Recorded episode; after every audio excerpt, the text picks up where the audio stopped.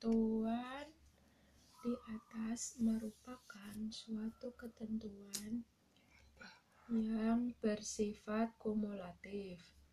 Artinya, semua ketentuan tersebut harus dipenuhi. Jika ada satu ketentuan saja yang tidak terpenuhi, maka proses merger dianggap tidak bisa berjalan dengan baik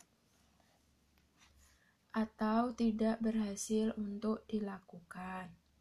Persyaratan penggabungan untuk jenis usaha kecil dan menengah tentu saja tidak harus mengacu secara detail ketentuan persyaratan tersebut di atas.